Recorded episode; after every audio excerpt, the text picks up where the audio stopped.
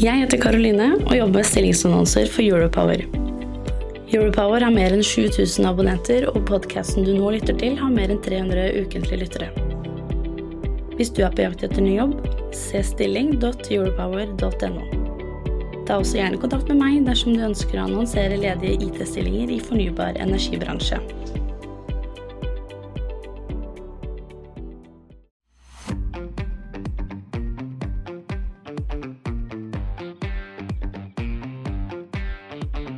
Hei, og velkommen til Europowers strømmarkedet på tre minutter.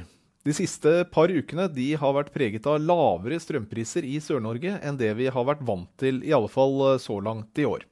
Og ser vi sammenhengen da, helt fra i sommer, hvor vi hadde altså en pristopp i eh, ja, både gassmarkedet og strømmarkedet i slutten av august, så har det vært nesten sammenhengende en nedadgående trend i eh, spotprisene for eh, Sør-Norge. Og de siste to ukene så har faktisk den sørnorske prisen koblet seg helt fra de europeiske prisene og faktisk nærmet seg de lave prisene som både Midt-Norge og Nord-Norge har hatt stort sett eh, hele veien. Ser vi litt i det kortere bildet, så kan det se ut som denne prisnedgangen er over for eh, denne gang. Vi hadde veldig veldig lave priser i slutten av forrige uke i forbindelse med veldig mye nedbør i eh, Sør-Norge spesielt. Og prisene var jo helt nede i to øre i slutten av forrige uke. Nå kan det se ut som det er lagt bak oss, og at prisene fremover nå skal holde seg godt over én krone eh, ganske lenge fremover. For nå priser altså markedet inn eh, over en krone allerede for fredag og for hele neste uke, og for så vidt hele vinteren. Årsaken til eh, de lave prisene vi hadde sist uke, var jo da mye nedbør, som sagt. Og på Vestlandet, noen områder der, fikk jo da mer enn det som de kanskje kunne ønske. Og i ettertid så har altså flommen eh, lagt seg ned. Det er eh, mindre vann i vassdragene nå, og prognosene peker også på at det skal bli mindre vann i disse vassdragene fremover. Det gjør at produsentene får eh, kontroll på vannet. altså Det går ikke ukontrollert mye vann gjennom disse elvekraftverkene. Det er noe som er med å støtte opp under høyere priser. Også for Østlandet så har det jo vært eh, mye vann.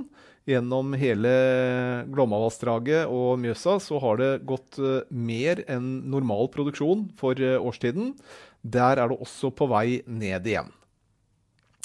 Fremover så mener altså meteorologene at temperaturene de skal eh, ligge litt under normal nå de nærmeste dagene. Både i Norden og for så vidt også gode deler av Europa, som er med da å løfte gassprisen. Uh, mens utover neste uke så kan det se ut som det skal bli milde temperaturer. Men allikevel så ser det ut som vi da er kommet såpass langt ut på vinteren og god kontroll på produksjonen at prisene de vil ikke falle ned så lavt som vi fikk nå de siste to foregående ukene iallfall.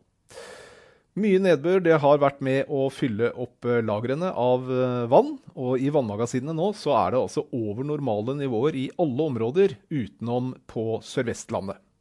På Sør-Vestlandet der er det en litt mer eh, lagringskapasitet. Også det er jo faktisk det området i Norge med størst magasinkapasitet, og for så vidt også den største produksjonskapasiteten som vi har i landet. Det er også preget av flere av disse flerårsmagasinene, som da i navnet betyr at det tar, normalt sett iallfall, flere år å fylle opp magasinene.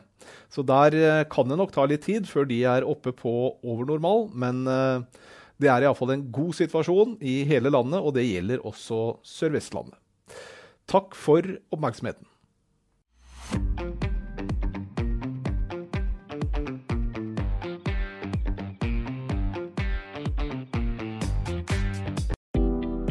Jeg heter Karoline og jobber med stillingsannonser for Europower. Europower har mer enn 7000 abonnenter, og podkasten du nå lytter til, har mer enn 300 ukentlige lyttere. Hvis du er på jakt etter ny jobb, se stilling.europower.no. Ta også gjerne kontakt med meg dersom du ønsker å annonsere ledige IT-stillinger i fornybar energibransje.